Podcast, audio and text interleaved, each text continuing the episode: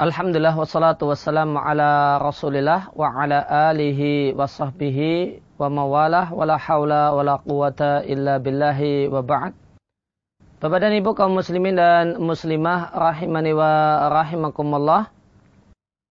Berkaitan dengan wajibnya menghadiri undangan walimatul urs, maka di antara dalil yang menunjukkan hal ini adalah hadis yang telah kami tuliskan di papan tulis yaitu sebuah hadis dari sahabat Abu Hurairah radhiallahu anhu yang diriatkan oleh Muslim dalam sahihnya Rasulullah sallallahu alaihi wasallam bersabda "Idza du'iya ahadukum falyujib."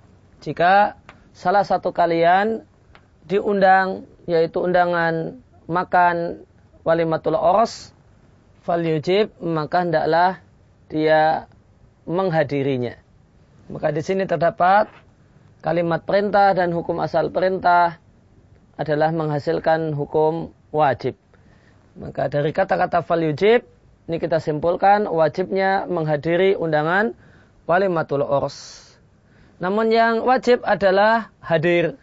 Adapun makan di tempat tersebut itu tidak wajib. Oleh karena itu, fa'ingkana iman maka jika ternyata orang yang diundang itu dalam kondisi berpuasa, maka dia hadir dan ketika hadir fal yusalli.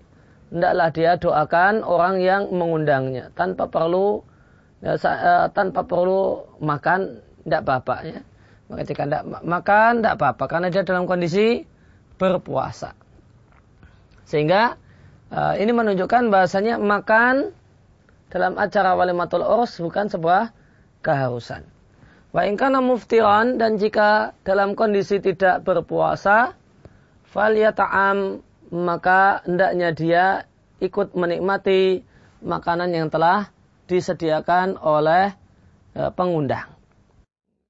Maka adab dan etika ketika hadir adalah melihat kondisi kita. Jika kita dalam kondisi berpuasa, maka yang Nabi perintahkan adalah cukup dengan mendoakan. Namun jika kita dalam kondisi tidak berpuasa, maka Nabi perintahkan kita untuk ikut menikmati makanan yang telah disediakan. Ya, inilah dalil atau dasar yang mendasari kita untuk mengatakan wajibnya menghadiri undangan walimatul urs.